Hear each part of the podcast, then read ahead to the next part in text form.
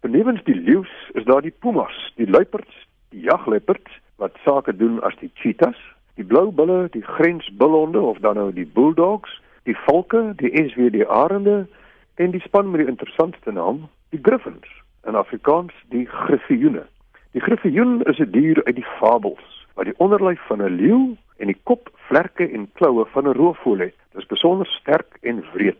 Die ou Grieke het die griffioen op hulle muntstukke geplaas. Dit is 'n ontsaglike dier met 'n massa van 300 kg en reuse vlerke.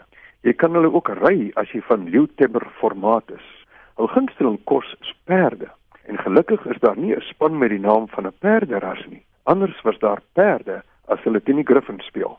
Die leeu is die koning van die diereryk en daarom is dit geen wonder dat die leeu koning gekry het oor al die Suid-Afrikaanse dierespanne nie.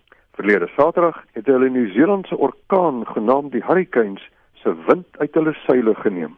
Dieselfde orkaan het vroeër die Kaap van Storms se span die Loef afgesteek. Die Loef is die kant waarvandaan die wind kom. Nou hou ons asem op dat die leeu ook die Crusaders se sterte sal knoop.